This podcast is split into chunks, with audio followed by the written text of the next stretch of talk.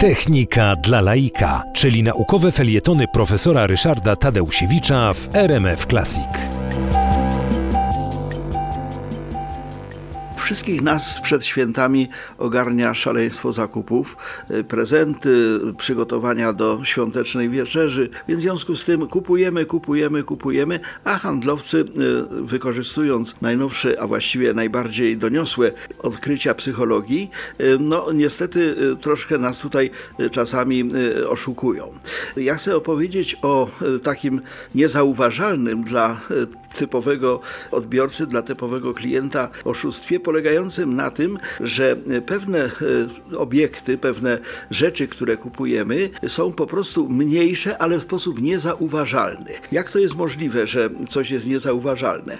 Odpowiedź kryje się w odkryciach, których dokonał Ernst Heinrich Weber w połowie XIX wieku. Zajmował się psychologią eksperymentalną i wykrył rzecz następującą, że percepcja, to znaczy sposób odbierania odbierania zmysłowego różnego rodzaju doznań podporządkowana jest pewnemu bardzo prostemu, ale jednocześnie bardzo doniosłemu prawu. Mianowicie wrażenie zmiany w szczególności, jakie odczuwamy, nie zależy od tego, o ile bodziec y, fizyczny wzrósł czy zmalał. Zależy od tego, jaka jest, jaki jest iloraz, jaki jest wynik podzielenia tej zmiany przez tą wartość, która podlegała zmianie.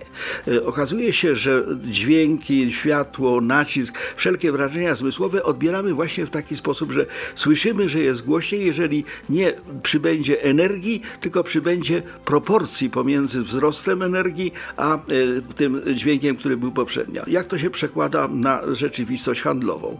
Otóż okazuje się, że jeśli e, ten ułamek Webera, to znaczy proporcja zmiany do wartości, która była przed zmianą, nie przekracza 10%, to my tego nie widzimy. Przykładowo, jeżeli kostka masła miała 200 gramów, a potem ma 180 gramów, to ta różnica 20 gramów jest niezauważalna dla człowieka.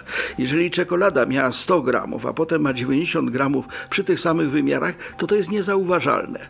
Mniej soku w kartonie też jest niezauważalne, jeśli nie jest przekroczony ułamek Webera.